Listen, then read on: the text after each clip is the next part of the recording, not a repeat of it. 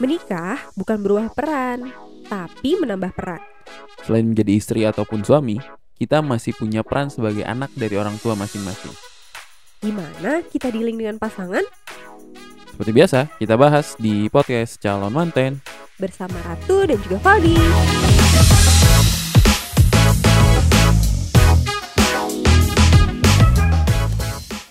Jadi gitu ya, sebenarnya tadi kalau di awal yang namanya nikah tuh bukan bikin kita punya peran baru. Eh Yap. sorry, bu- bukan kita berubah dari uh, peran, yang kita. dulu menjadi Mm-mm. peran yang baru gitu. Mm-mm. Bukan berarti dulu kita eh kalau untuk masalah bujangan terus jadi suami gitu ya, jadi lelaki menikah, oke lah itu berubah. Status kali ya itu ya. Statusnya berubah Mm-mm. gitu. Tapi kita kan punya banyak peran sebenarnya gitu. Dulu ya kita adalah sebagai seorang anak dari orang tua kita masing-masing. Nah, lantas ketika bisa menikah apakah kita berubah peran dari anak menjadi seorang suami ataupun istri? Kan nggak berubah ya sebenarnya Iya, kan. betul betul. Kayak yang tadi kamu bilang, nambah sih jatuhnya. Mm-mm. Nanti pun ketika misalnya kita punya anak bukan Bukan gak jadi suami dan istri lagi kan? Gak, Betul. Bukan gak sebuah pasangan gitu. Iya gitu, Mm-mm. bukan lantas berubah jadi seorang eh, bapak atau ibu dari anak kita, terus Mm-mm. peran kita sebagai suami dan peran sebagai istri ya as, as a pasangannya hilang gitu Iya, kan. Betul. Gitu pun kita sebagai pasangan baru nantinya gitu ya, Mm-mm. nggak berarti menghilangkan peran kita sebagai anak dari orang tua kita masing-masing. Mm-mm. Otomatis kalau misalnya kita nambah peran, hmm, tanggung jawab di peran-peran sebelumnya juga kan tetap perlu di uh, Sadari. perlu disadarin dan perlu di ya tetap ditunaikan kewajibannya gitu. Mm-mm. Kewajiban su- sebagai suami atau istri juga kewajiban sebagai anak pada orang tuanya. Ya. Makanya nggak tahu sih ini apakah jadi pikiran juga nih buat teman-teman yang mau menikah. Cuman kebetulan kondisinya di kita berdua ini tuh jadi salah satu poin yang tampaknya memang perlu banget dibahas. Dan Mhm. barangkali semua pendengar yang situasinya mirip-mirip sama kita ini bisa jadi salah satu bahasan yang Mungkin perlu banget sih ya. dibahas, Mm-mm, iya. mm-mm. dan bahasannya adalah gimana nih kita tetap menjadi peran seorang anak tanpa mengesampingkan peran kita di peran yang baru sebagai suami dan istri. Mm-mm. Gimana menurutmu? Gimana ya? Berat nih bahasannya. Iya bener. Eh, mungkin sedikit kali ya kita kita kasih gambaran dulu biar mungkin teman-teman yang mendengarkan juga bisa menghayati ya. Mm-mm. Kita tuh kan situasinya kalau aku anak kedua dari dua bersaudara. Ya. kakak udah nikah, udah punya rumah sendiri, udah terpisah lah gitu. Kondisi aku sekarang sebelum menikahin itu tinggal sama orang tua, ya udah aku bertiga aja gitu di rumah. Dan kamu sendiri Gimana kondisinya? Aku itu anak keempat, anak bungsu ya. Jadi kita sama-sama anak bungsu sebenarnya gitu. betul? Dan tinggal di rumah itu sama ayah karena eh, kalau ibu kan udah meninggal gitu ya beberapa tahun yang lalu. Ada sih kakak gitu. Jadi kita tinggal di rumah tuh berempat sama kakak sama ponakan sama papa gitu. Di situ kita punya hmm, misalnya fokus khusus nih. Mm-mm. Ya aku kakak udah punya udah ya udah pindah lah udah Jauh serumah. lah ya gitu nggak Mm-mm. serumah lagi. dirimu juga gitu kan kondisinya kakakku udah pada berkeluarga otomatis eh ya apalagi kamu misalnya ya papa kan tinggal sendiri gitu ya udah Mm-mm. nggak ada istri almarhum udah nggak ada gitu. jadi mengurus orang tua tuh jadi pikiran banget sih sebenarnya gitu Iya. ya. gimana ketika kita sudah menikah ini gimana nih orang tua nih gitu kan Iya, sebenarnya lebih ke situ kan Mm-mm. Tapi sebelum jauh ke gimana kita berbagi peran kira-kira nih kalau misalnya kita ngebayangin Mm-mm. atau pendengar juga ngebayangin after nikah sebenarnya per- perasaan yang kita rasain Mm-mm. sama yang orang tua rasain sebenarnya gimana sih kalau menurut kamu gitu? kayak apa ya di satu sisi pasti ada bahagianya ya kita Mhm, menikah gitu mhm. kan itu suatu hal yang kita inginkan tinggal sama pasangan dan sebagai macamnya gitu Yep.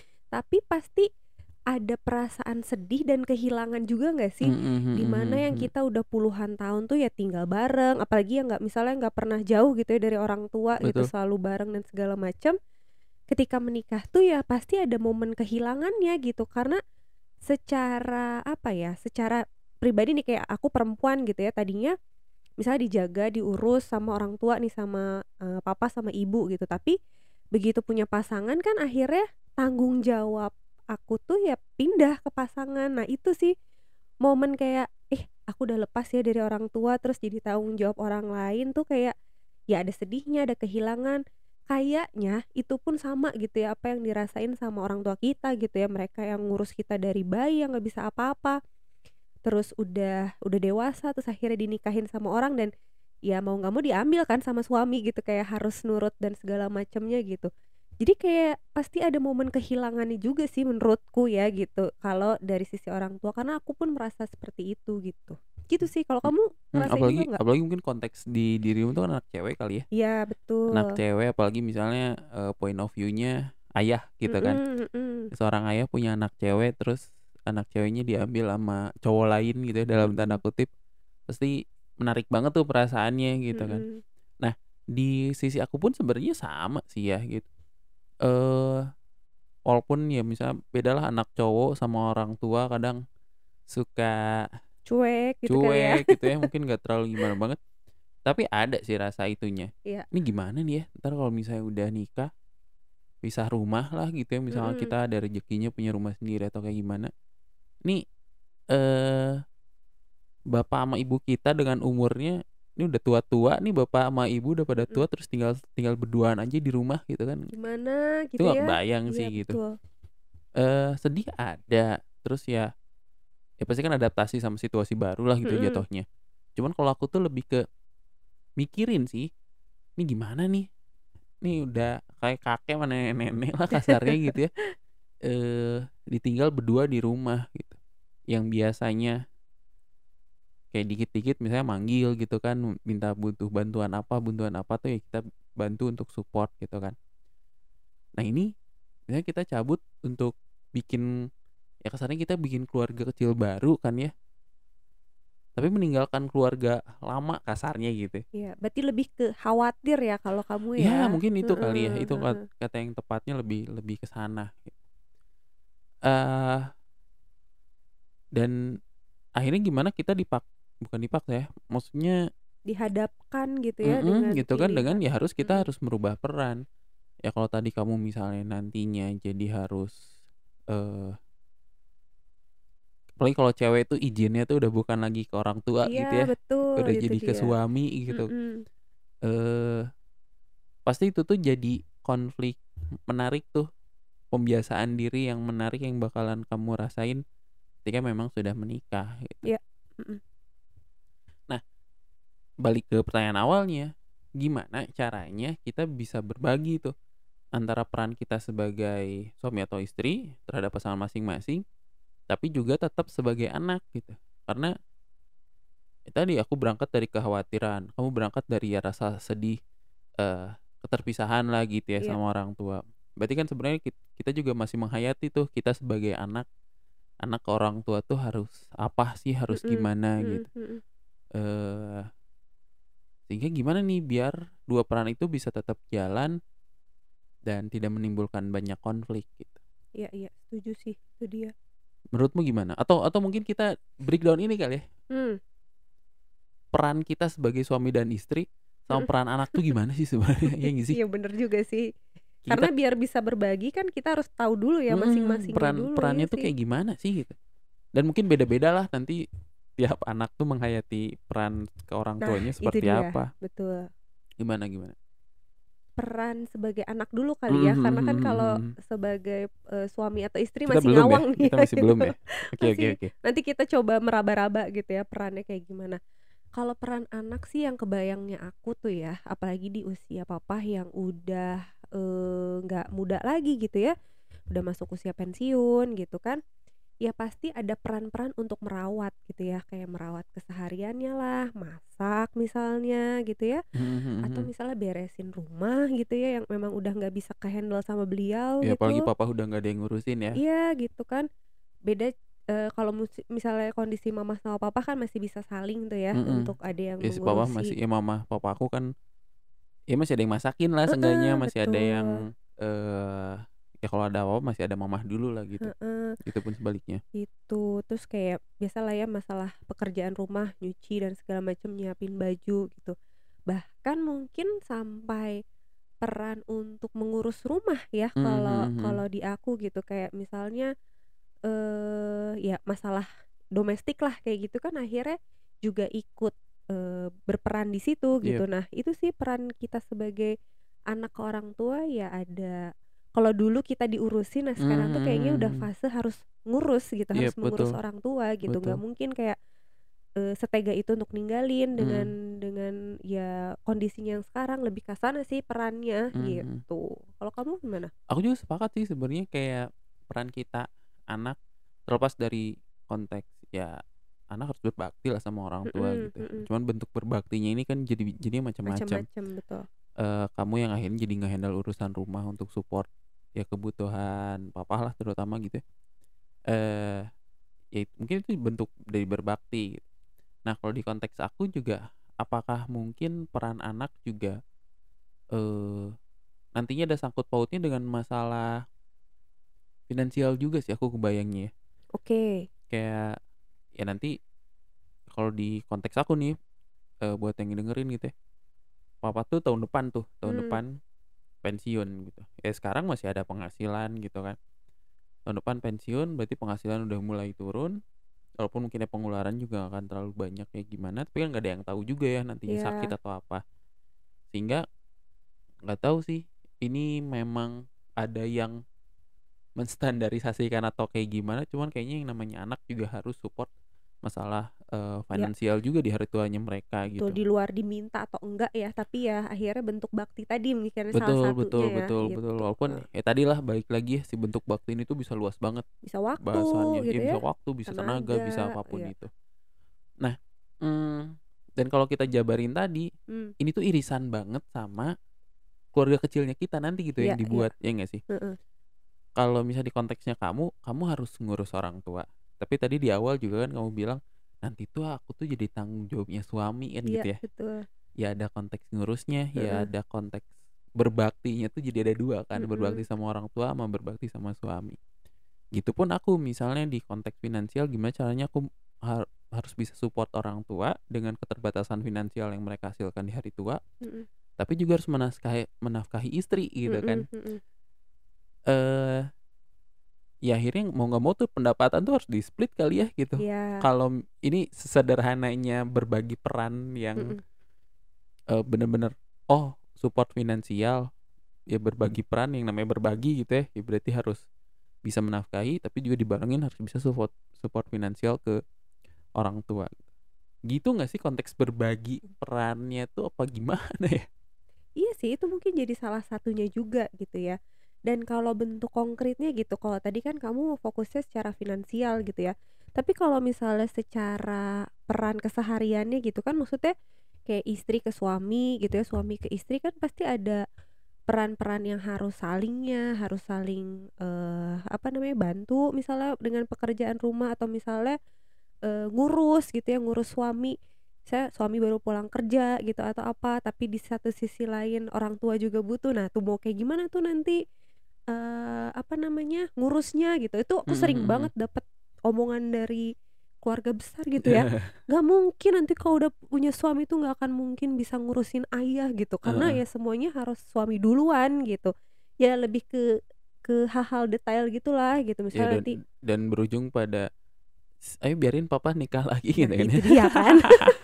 Itu sih gitu. Tapi ya ya sebenarnya itu realitanya kan Mhm, realita yang mhm, sudah mhm. mereka rasakan Mhm, gitu cuman betul. kadang aku berpikir ya sebenarnya semua itu masih bisa dibagi sebenarnya Yap, masih bisa betul. dikomunikasikan gitu masih bisa ya saling nih eh, antara si pasangannya suami istrinya mau dealingnya kayak gimana nih Mhm. mau eh, ketika kita menyampaikan terus kita juga perlu perlu sadar ya maksudnya kebutuhan suaminya apa Betul. eh dianya kayak gimana atau caranya kita bahkan kamu sering juga bahas gitu ya Mhm.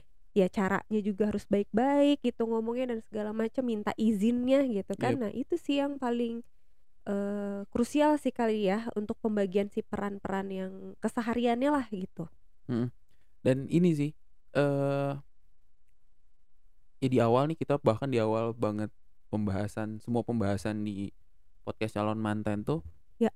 intinya adalah gimana kita sadar sama apa yang konflik-konflik apa aja yang mungkin muncul nanti Iya. di pernikahan sehingga kita obrolin secara sadar Mm-mm. biar nanti ketika udah nikah tuh oh yang ini nih kita udah pernah bahas ini sebenarnya mm-mm. oh kayak gini ya ternyata realnya oh rasanya seperti ini ya gitu mungkin waktu kita lagi ngobrolin sekarang nggak serumit eh waktu kita obrolin ternyata Betul. nanti ketika realitanya muncul wah double double tuh gitu ternyata rumitnya. Tapi seenggaknya karena memang kita sudah sadar dan membahas nggak kaget-kaget banget lah kan Mm-mm, gitu. mm-mm.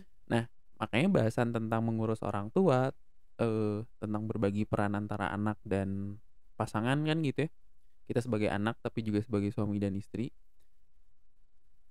Yang mungkin kita bisa antisipasi itu adalah kemungkinan-kemungkinan konflik yang muncul sih Mm-mm. jadi kayak tadi ya misalnya masalah finansial bisa di- harus dibagi dua masalah ngurus-ngurus juga harus dibagi dua masalah waktunya tenaganya harus dibagi dua gitu. Mm-mm. belum lagi kalau misalnya kita support juga kayak urusan rumahnya orang tua bisa jadi kita bakalan punya banyak banget dapur ya gak sih Mm-mm. dapur di rumah aku dapur di rumah kamu dapurnya di rumah kita sendiri kan gitu Mm-mm. Itu dijamin sih bakalan konflik banget ya gak sih gitu Mm-mm. tapi itu salah satu cara untuk meminimalisirnya dengan menjabarkan kemungkinan konfliknya apa aja Dan prepare. dan prepare ya seenggaknya sadar dan bersiap dulu lah gitu Iya. walaupun prepare-nya kadang kita juga bingung ya masih bingung gimana gitu Betul. Apalagi kalau udah ngerasainnya kan ya gitu gitu ya. tapi apa sih konflik yang muncul yang mungkin muncul tuh dari berbagi peran tadi tuh antara anak dan kita sebagai pasangan nantinya Apa ya? dan ceritaan-ceritaan deh gitu Ceritaan-ceritaan gitu ya. Kalau misalnya yang teman-teman kita masih tinggal sama orang tuanya gitu ya, sama mertua atau sama orang tua. Akhirnya kan eh, ada otoritas orang tua tuh yang pernah kita bahas di episode sebelumnya gitu ya. Eh, itu kadang juga jadi konflik tersendiri gitu ya ketika misalnya ada value tertentu atau kebiasaan tertentu Mhm. atau tuntutan tertentu bahkan dari orang tua gitu ya yang mereka munculkan untuk kita gitu ya dan ketika hal itu tidak clear gitu tidak pernah dikomunikasikan kan itu juga bisa jadi konflik ya kayak misalnya kitanya juga niatnya tadi mau ngurus tapi jadi malah jadi konflik ke kita berduanya gitu karena Mhm. Eh, apa ya ya di luar ekspektasi bisa jadi atau misalnya bahkan itu jadi beban sendiri gitu kayak tuntutan orang tuanya itu jadi beban sendiri buat kita misalnya Iya. gitu. Gini aku aku pernah keingetan gini sih si ya mama pernah bilang gini. Hmm, sebenarnya eh kalau anak ya point of view-nya dia gitu kalau anak udah menikah udah punya keluarganya masing-masing ya pada akhirnya mereka punya eh tuntutan tantangan eh, tanggungannya mereka sendiri-sendiri gitu sehingga kalau ya kalau dari mamaku sih ngerasa udah sudah tidak seharusnya lah gitu me- memaksakan anak untuk memikirkan orang tuanya gitu. iya Mama berpikir seperti itu gitu. Ya akhirnya lebih ke kesadaran anak aja gimana caranya bisa berbakti sama orang tua. Dan ah, ya alhamdulillahnya mungkin mama juga nggak nggak menuntut ke anaknya harus kayak gimana ke mereka. Tapi masalahnya ada ada orang-orang tua tertentu yang malah sebaliknya sih gitu. Bahkan menuntut iya bahkan minta minta persenan minta itu tuh ada kan kayak ada gitu ya ih ada banget yang kayak gitu banget, tuh gitu iya. bahkan kok belum dikirimin bulanan Mm-mm, lah mm-mm. atau misalnya memang eh ngebandingin si ini tuh ngasih tiap bulan gini kok kamu enggak? Misalnya gitu ya ada kayak anak-anaknya ada beberapa kan Iya. gitu ya. Anaknya ada beberapa terus akhirnya ngebandingin gitu. Atau misalnya yang memang harus ngurus gitu jadi kalau udah di rumah ya nggak mau tahu harus semuanya ditanggung. Dari masaknya lah dari apanya belanjanya gitu. Ada juga yang kayak Iya gitu. ada yang kayak gitu gitu. Eh dan bayangkan sebenarnya kalau misalnya situasinya kayak gitu kita sebagai anak dituntut sama orang tua untuk me apa tuh kasarnya? Ya mensupport lah mensupport kebutuhannya mereka. Tapi kan kebayang tuh pasangan kita bakalan seperti apa? Ya ya anggaplah misalnya contoh sederhananya eh gaji aku misalnya eh, sekian juta ternyata se, se 30 sampai 50 persennya misalnya di ditagih sama orang tua gimana nggak akan konflik sih misalnya kamu sebagai seorang istri yang bia- ya dengan ada kebutuhan lah apalah gitu. Itu pasti jadi konflik banget kan gitu. Apalagi misalnya si pasangannya nggak bekerja gitu ya, cuman dari satu pintu aja nih gitu Mm-mm, yang mm-mm, eh, gitu, cuman- sumber keuangannya gitu ya. Itu kan bisa jadi ya lumayan berabe tuh urusan-urusan seperti itu gitu. Mm-mm, masalahnya ada sering kali ada orang tua yang menuntut seperti itu juga. Mm-mm. belum lagi tadi dicontohin tuh eh bisa jadi dibandingin sama kakak-kakak bisa dibandingin sama kakak-kakak. Yang berujung pada ya konfliknya kita sama kakak-kakaknya kita kan gitu. bisa jadi. Ya di eh ya pilih kasih lah jat eh, jatohnya nanti gitu. Ada sibling lagi udah pada tua pada sibling gitu kan.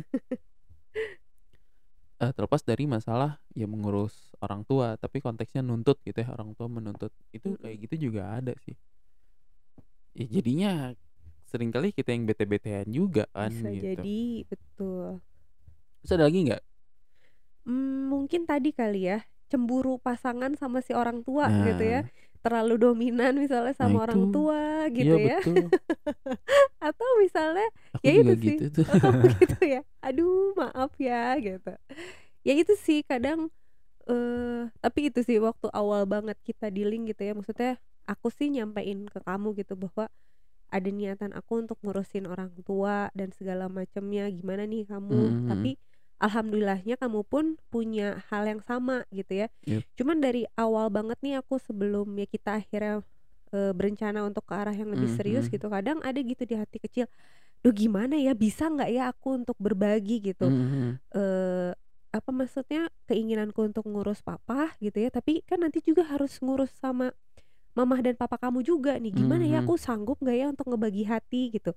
Belum lagi ada kamu juga kan di situ Mhm. gitu. Bisa nggak ya adil? Bisa nggak ya ngolahnya gimana nih Mhm. kalau di dalam satu waktu eh sama-sama butuh gitu? Mama papa kamu mau sama papaku gimana kayak gitu? Itu tuh ada loh kok kelintas kayak gitu. Nanti kayak gimana ya kalau ada konflik dan segala macam? Itu sih eh apa kegalauan waktu dulu banget gitu. Tapi ternyata semakin kita sering ngobrol semakin kita nyampein satu sama lain akhirnya pun aku juga jadi tahu apa nih yang kamu mau apa yang kamu betul. butuhin gitu. Betul. Kadang gini tau suka ada kayak statement-statement yang sering aku dengar juga lah gitu dari yang sudah berkeluarga. Terus konteksnya sama tuh kayak misalnya si istri atau suaminya harus ngurus orang tuanya. Bisa jadi sampai kayak keluar statement kayak gini yang akhirnya kaitin sama kakak-kakaknya juga kan. Ini tuh anaknya eh ibu kamu tuh cuman kamu aja. Kakaknya pada ke mana? Kamu doang yang ngurusin lah apa gitu. Cuman itu muncul dari kecemburuan ya kasarnya iya gitu. iya iya. Betul betul ya. Eh apa-apa ngurusin orang tuanya aja. Tapi misalnya kitanya sebagai pasangan gak di mungkin bukan konteks ngurusin juga ya cuman kadang jadi mungkin pulang kantor butuh ngobrol atau apa tapi misalnya ya kehadirannya nggak ada karena memang Iya. harus ngurus orang tua eh atau tadi sebaliknya kalau bahasan finansial misalnya ada ada lokasi keuangan yang harapannya itu misalnya buat nabung buat anak lah barangkali atau misalnya buat ada kebutuhan-kebutuhan rumah yang pengen dikejar tapi ternyata harus eh, berkurang karena misalnya harus support orang tua gitu. Pasti kan muncul tuh. Coba aja kalau misalnya nggak kayak gitu mungkin di rumah tuh udah ada apa-apa-apa misalnya gitu bisa jadi muncul kayak gitu kan Iya, statement-statement betul. kayak Mungkin gitu banget mungkin banget sih. muncul Mm-mm, atau yang tadi yang paling sederhana ya perkara waktu gitu mm-mm.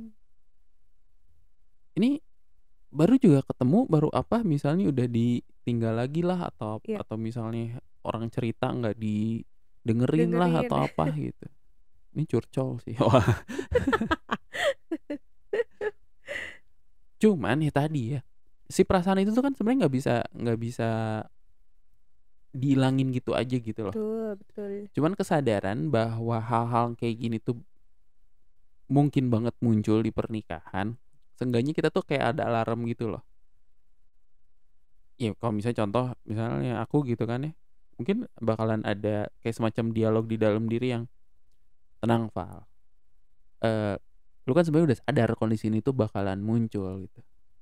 Lu juga tahu dan situasi ini tuh bukan dengan mudah bisa dihilangkan gitu. Ya udah uh, dealing lagi. Apalagi sebelum pernikahan kita pernah dealing itu gitu. Seenggaknya ketika kita sadar kayak gini tuh ada alarm kayak gitu loh. Iya, dan kebayang kalau itu tuh nggak dikomunikasiin kan, maksudnya Mm-mm, mm-mm. nggak akan ada tuh obrolan kamu sama diri kamu gitu. iya Nggak betul. ada nggak ada juga alarm untuk aku sadar gitu bahwa eh ini udah ngelebihin batas nih atau apa gitu. Iya gitu bahkan Itu nih sih. kita sebagai an- sebagai anak ngurus orang tua harus sih aku juga sepakat gitu cuman eh karena kesadaran itu kita tuh jadinya bisa ngatur waktu Ya. yang tadinya aku nih harus ngurus orang tua harus ngurus juga pasangan sehingga misalnya eh bangun lebih cepat untuk preparing jadi lebih eh, cepat juga untuk bisa yang nge-share waktu dengan pasangan juga nantinya gitu tapi tapi orang tua tetap ke keurus juga gitu atau misalnya ya bisa lah banyak banyak strategi yang bisa dilakukan sehingga dua-duanya tuh kena kan gitu Mm-mm. si kitanya misalnya ngurus orang tua sadar bahwa ada eh, seseorang lain yang memang harus kita Perhatikan. kita gitu perhatikan ya. kita hadir buat dia gitu pun sebaliknya ketika misalnya kita sebagai yang punya pasangan ngurus orang tua kita sadar bahwa itu memang kewajiban dia sebagai anak gitu sehingga kita punya rem gitu punya Iya, iya. rem untuk tidak langsung responsif marah langsung Mm-mm. responsif kenapa sih kamu tuh kayak nggak ada buat aku atau Iya, apa pun itulah betul. gitu ya balik lagi tentang itu sadar bahwa memang situasinya seperti itu gitu Iya. situasinya tuh mungkin banget kayak gitu Dan banyak juga tuh konflik yang ini masih cemburu juga ya sama eh, pasangan eh pasangan cemburu sama orang tua. Kayak misalnya yang eh, anak cowok gitu. Apa-apa tuh kok orang tuanya dulu sih istrinya nggak diperhatiin dan segala macam padahal kalau dari hukum Islam memang begitu ya maksudnya yang utama tuh masih orang tua ya baru ke eh, istri dan segala macam itu tuh kadang juga jadi konflik loh yang kayak Mhm. gitu-gitu tuh aku gitu. aku nggak tahu detailnya nanti Hmm. mungkin kita ada sesi-sesi khusus lah kalau urusannya udah sama agama atau apa cuman ya kalau aku sering dengar sih gitu ya kalau misalnya istri memang ketika sudah menikah eh yang jadi utamanya itu yang didulukan tuh adalah suaminya gitu tapi beda kalau misalnya anak cowok tetap yang diutamakan tuh adalah orang tuanya dulu gitu atau nih bener apa salahnya mungkin sorry kalau misalnya Sarah mau dikoreksi aja cuman balik lagi kan kit- misalnya oke ada ada aturan seperti itu kita kita sadar akan aturan itu hmm, tetap nanti nantinya tuh ke keridoan pasangan akan situasi itu tuh bakalan sangat mungkin banget bisa membantu meredakan konflik Ya, betul. ketika misalnya seorang istri minta izin ke suami untuk mengurus orang tuanya izin dari suami itu tuh bakalan eh, luar biasa menolong dan Hmm. meredakan konflik gitu. Karena di ya karena di istri diizinkan terus istrinya bisa ngurus orang tua dan ya konflik mungkin gak akan jadi banyak lagi. Tapi mungkin bakalan berbeda kalau misalnya enggak nggak mau atau apa ya nantinya ada ada ke ada kekecewaan lah ada penyesalan mungkin nantinya sebagai anak tidak mengurus orang tua gitu banyak banget gitu.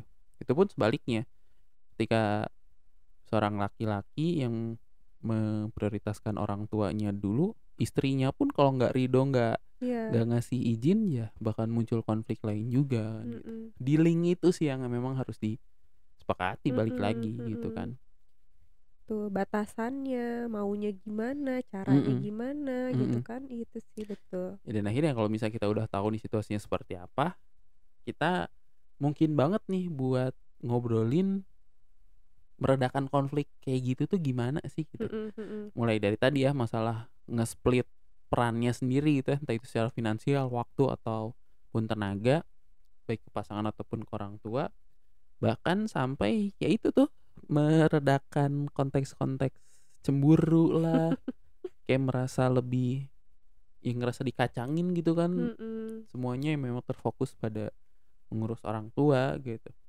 atau ya tadi gimana caranya bisa ngurus orang tua jalan tapi juga hubungan di pernikahan sama pasangan masing-masing nggak nggak muncul konflik lah gitu gimana nih kira-kira nih. Apa ya yang paling awal sih kita harus aware dulu ya sama rutinitasnya sama waktunya gitu ya. Kapan kita sama pasangan, kapan kita sama orang tua, kapan kita sama mertua gitu. Itu tuh harus harus bener-bener kita obrolin nih. Misalnya kapan nih kita waktunya nginep di rumah papa gitu? Kapan kita waktunya nginep di rumah mama papa kamu misalnya gitu? Kapan nih waktunya kita cuma berdua gitu? Itu kan uh, masih bisa kita komunikasiin gitu. Apalagi kita juga punya kakak gitu yang yang mungkin nah itu sih. Yang mungkin mereka juga harus harus punya ini gitu ya. Ada waktunya untuk ngurus orang tua lah gitu. Intinya itu sih kayaknya harus aware dulu sama waktunya gitu bahkan kalau misalnya kita ya beruntungnya hmm. punya uh, saudara gitu, saudara hmm. kandung, kakak ataupun adik, dan mereka punya kesadaran yang sama yeah, kayak gitu. yang kita uh, sadari. Kayaknya konflik untuk mengurus orang tua dan pasangan tuh bakalan mudah sih iya, sebenarnya iya, betul, gitu. betul banget.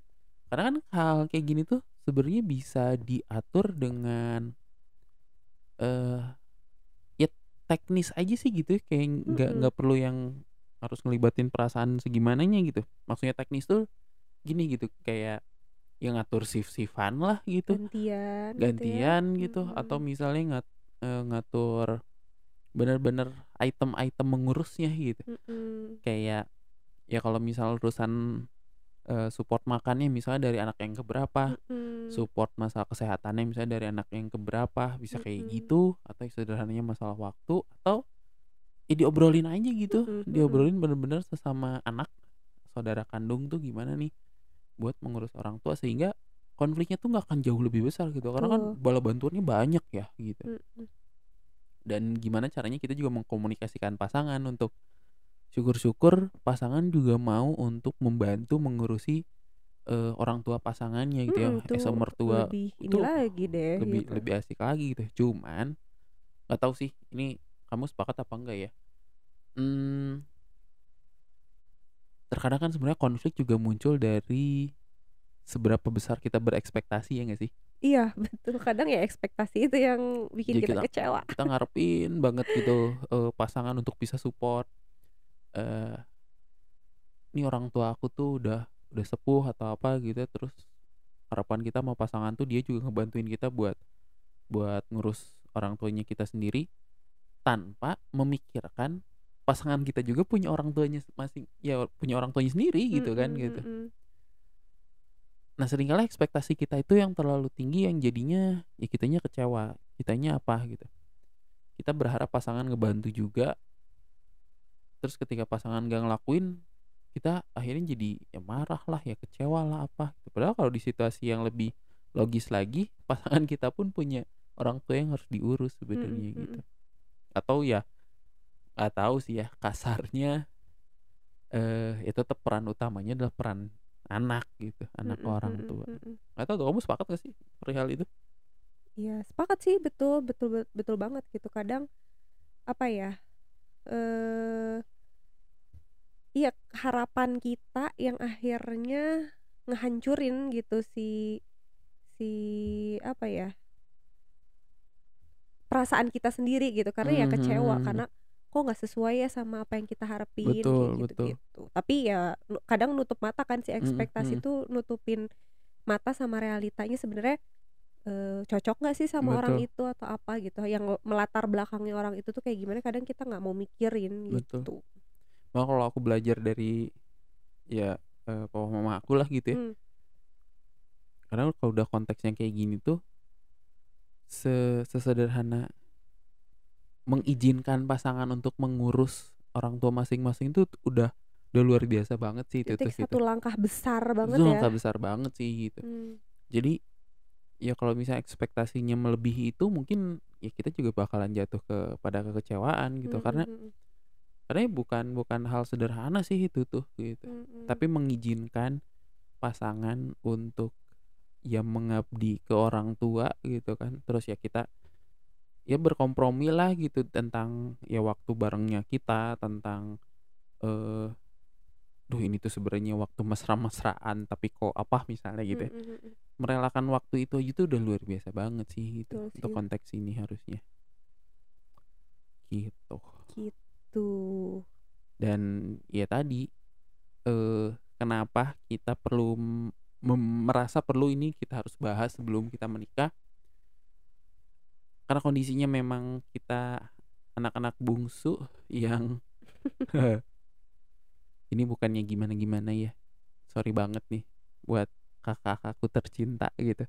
Cuman sering kali aku sih aku pribadi kakak-kakak merasa ah tenanglah ada si bungsu gitu ya yang ngurusin orang tua. Hmm, enggak sih. Tapi udahlah gitu ya udah yang penting Iya. ya kita sadar aja gitu kita sadar sebagai anak gitu jangan jadi ngerasa terbebani jangan ngerasa kayak gimana ya udah tanggung jawabnya ke situ gitu. Ting- Mm-mm. tinggal dealing sama pasangan seberapa jauh nih bisa kompromi akan hal itu. Mm-mm. betul. Gitu sih clear sih harusnya. Setuju. Cuman ya kalau untuk masalah prosesnya ya pasti belajar juga lah. Pastilah belum tahu juga kan maksudnya akan ada tantangan apa nih yang kita hadapin ke depan gitu ya dengan situasi yang luar biasa dinamis gitu ya dengan kondisi orang tua kita juga gitu ya.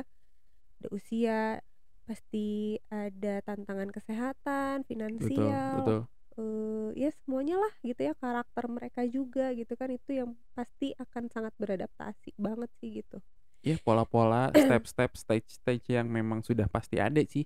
Mm-mm. orang tua kita semakin menua semakin ya fungsi organi juga pasti semakin menurun Mm-mm. nanti ada kesehatan ya eh bahkan ya sorry itu saya gitu ya masalah kematian juga semua itu udah sesuatu yang pasti yang memang akan Mm-mm. kita hadapi ya kita sadarin aja dulu gitu dan proses-proses itu tuh ya mau nggak mau bakalan kita hadapin kan gitu Mm-mm. tapi kalau semua hal yang kita hadapin nggak di dealing dan dikomunikasiin sama pasangan pasti berat banget sih ngejalaninnya Betul, betul dan support pasangan kan justru yang akan saling yang paling menguatkan lah gitu dalam proses kita nanti menjalaninya gitu.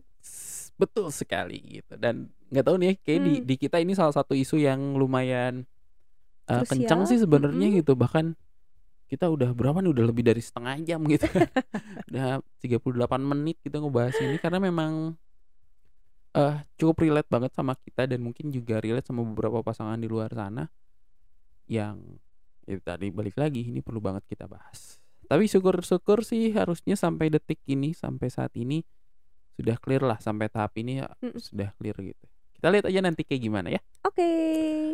cukup deh kayaknya di episode ini kita bahas yang lain di episode selanjutnya bye bye Bye.